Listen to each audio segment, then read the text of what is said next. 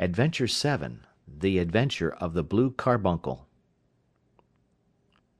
I had called upon my friend Sherlock Holmes upon the second morning after Christmas, with the intention of wishing him the compliments of the season. He was lounging upon the sofa in a purple dressing gown, a pipe rack within his reach upon the right, and a pile of crumpled morning papers, evidently newly studied, near at hand. Beside the couch was a wooden chair, and on the angle of the back hung a very seedy and disreputable hard felt hat, much the worse for wear, and cracked in several places. A lens and a forceps lying upon the seat of the chair suggested that the hat had been suspended in this manner for the purpose of examination. "You are engaged," said I. "Perhaps I interrupt you." "Not at all. I am glad to have a friend with whom I can discuss my results. The matter is a perfectly trivial one." He jerked his thumb in the direction of the old hat. "But there are points in connection with it which are not entirely devoid of interest and even of instruction." I seated myself in his armchair and warmed my hands before his crackling fire, for a sharp frost had set in, and the windows were thick with the ice crystals. "I suppose," I remarked, "that, homely as it looks, this thing has some deadly story linked on to it; that it is the clue which will guide you in the solution of some mystery and the punishment of some crime." "No, no, no crime," said Sherlock Holmes, laughing. "Only one of those whimsical little incidents which will happen when you have four million human beings all jostling each other within the space of a few square miles. Amid the action and reaction of so dense a swarm of humanity, every possible combination of events may be expected to take place, and many a little problem will be presented which may be striking and bizarre without being criminal.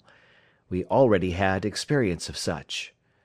"So much so," I remarked, "that of the last six cases which I have added to my notes, three have been entirely free of any legal crime." "Precisely.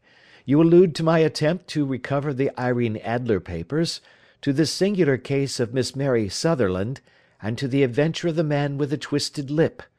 Well, I have no doubt that this small matter will fall into the same innocent category. You know Peterson, the commissionaire?" "Yes." "It is to him that this trophy belongs?" "It is his hat." "No, no, he found it. Its owner is unknown. I beg that you will look upon it not as a battered billycock but as an intellectual problem. And, first, as to how it came here. It arrived upon Christmas morning, in company with good fat goose, which is, I have no doubt, roasting at this moment in front of Peterson's fire. The facts are these. About four o'clock on Christmas morning, Peterson, who, as you know, is a very honest fellow, was returning from some small jollification, and was making his way homeward down Tottenham Court Road. In front of him he saw, in the gaslight, a tallish man, walking with a slight stagger, and carrying a white goose slung over his shoulder. As he reached the corner of Goodge Street, a row broke out between this stranger and a little knot of roughs. One of the latter knocked off the man's hat, on which he raised his stick to defend himself, and swinging it over his head, smashed the shop window behind him.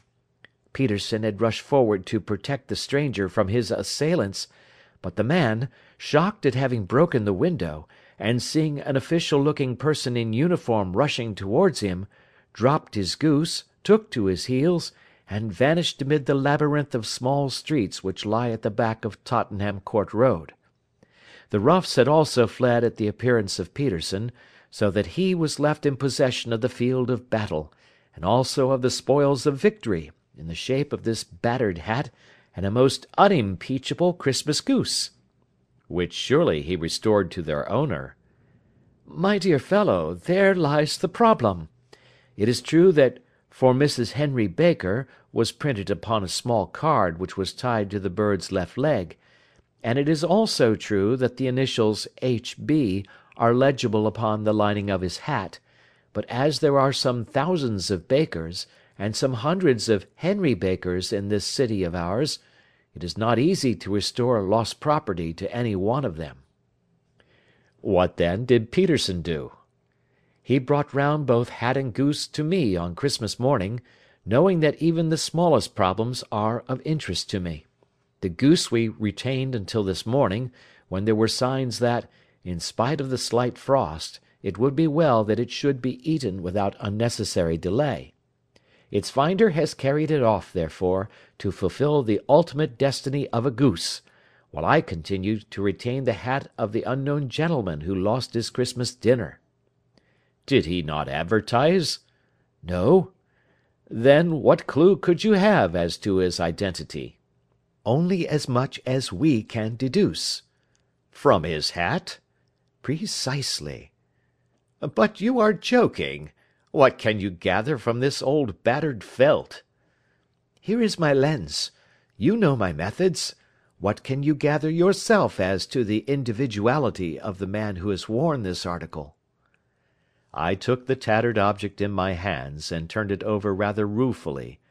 It was a very ordinary black hat of the usual round shape, hard and much the worse for wear. The lining had been of red silk, but was a good deal discoloured. There was no maker's name, but, as Holmes had remarked, the initials H. B. were scrawled upon one side. It was pierced in the brim for a hat securer, but the elastic was missing. For the rest, it was cracked, exceedingly dusty and spotted in several places, although there seemed to have been some attempt to hide the discoloured patches by smearing them with ink. "I can see nothing," said I, handing it back to my friend. "On the contrary, Watson, you can see everything. You fail, however, to reason from what you see. You are too timid in drawing your inferences."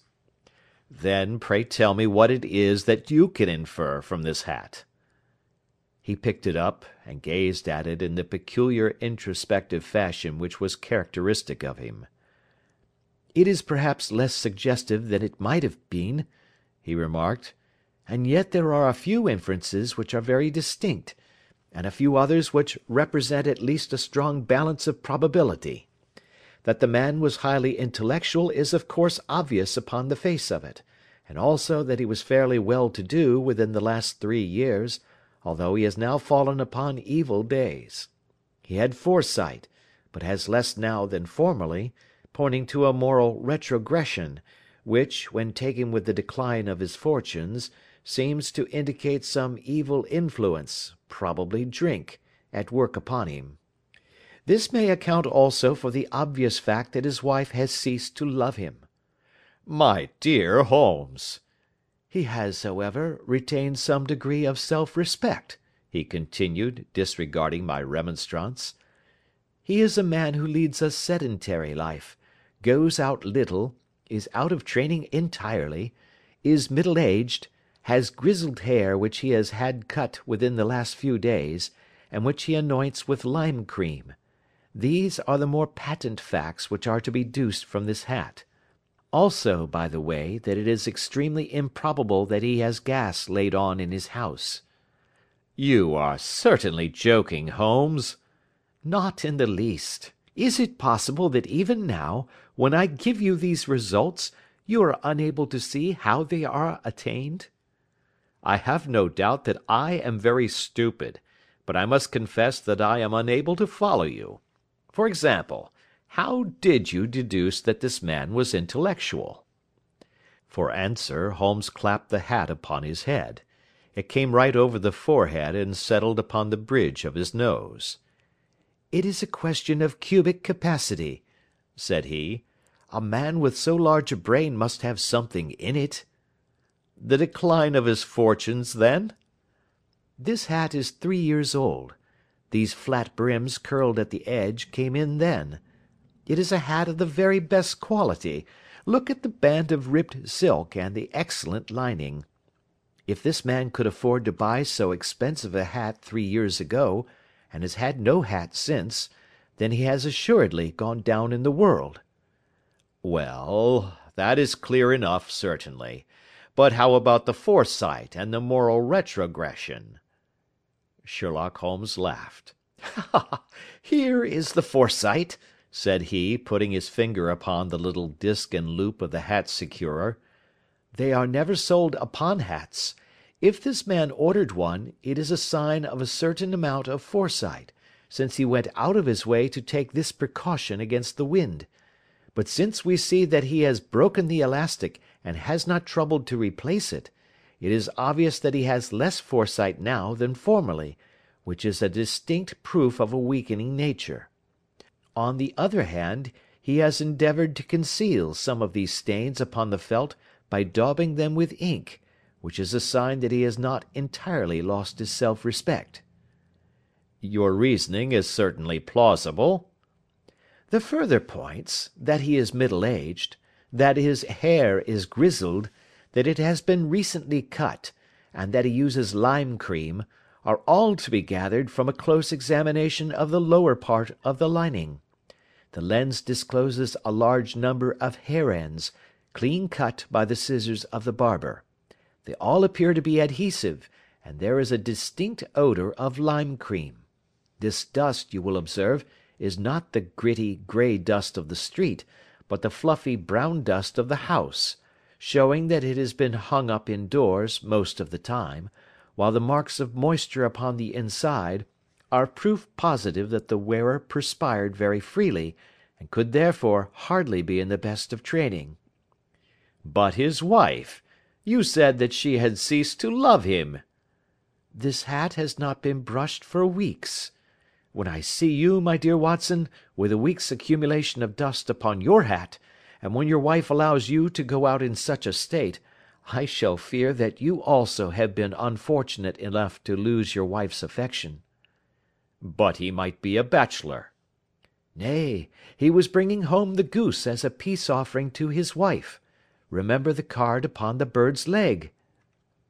"You have an answer to everything. But how on earth do you deduce that the gas is not laid on in his house?" "One tallow stain, or even two, might come by chance; but when I see no less than five. I think that there can be little doubt that the individual must be brought into frequent contact with burning tallow. Walks upstairs at night probably, with his hat in one hand and a guttering candle in the other. Anyhow, he never got tallow stains from a gas jet. Are you satisfied?" "Well, it is very ingenious," said I, laughing.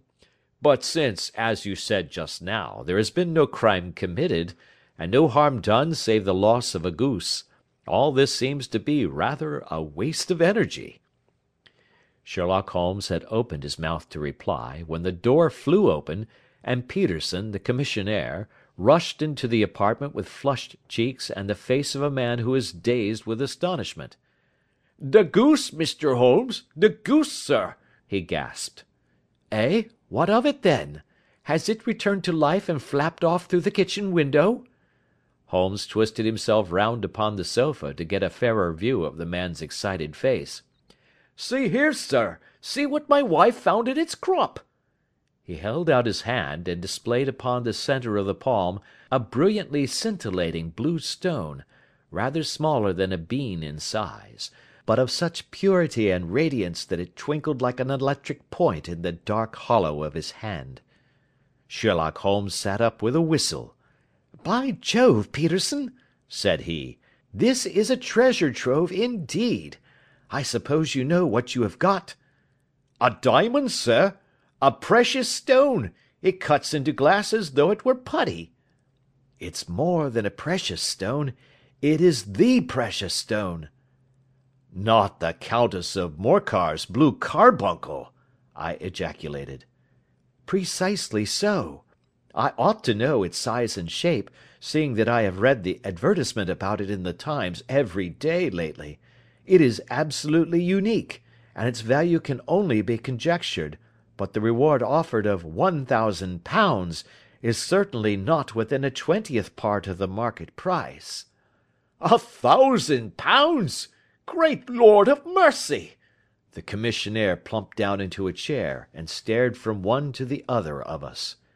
That is the reward, and I have reason to know that there are sentimental considerations in the background which would induce the Countess to part with half her fortune if she could but recover the gem."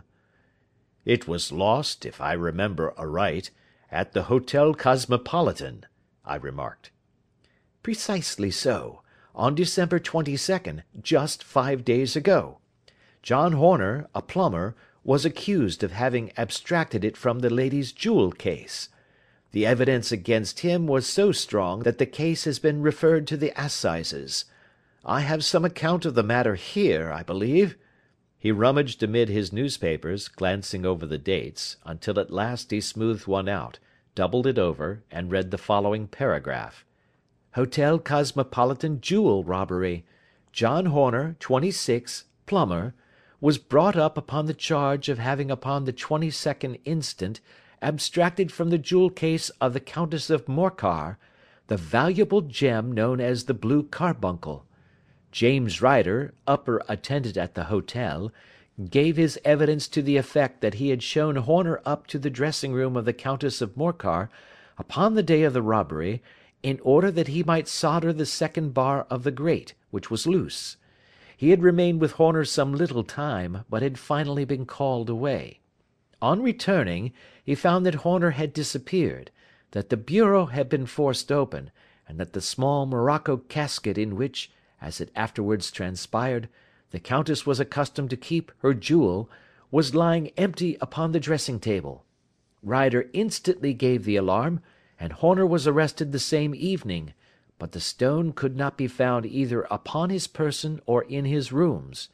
Catherine Cusack, maid to the Countess, deposed to having heard Ryder's cry of dismay on discovering the robbery, and to having rushed into the room, where she found matters as described by the last witness. Inspector Bradstreet, B division, gave evidence as to the arrest of Horner, who struggled frantically, and protested his innocence in the strongest terms. Evidence of a previous conviction for robbery having been given against the prisoner, the magistrate refused to deal summarily with the offence, but referred it to the assizes.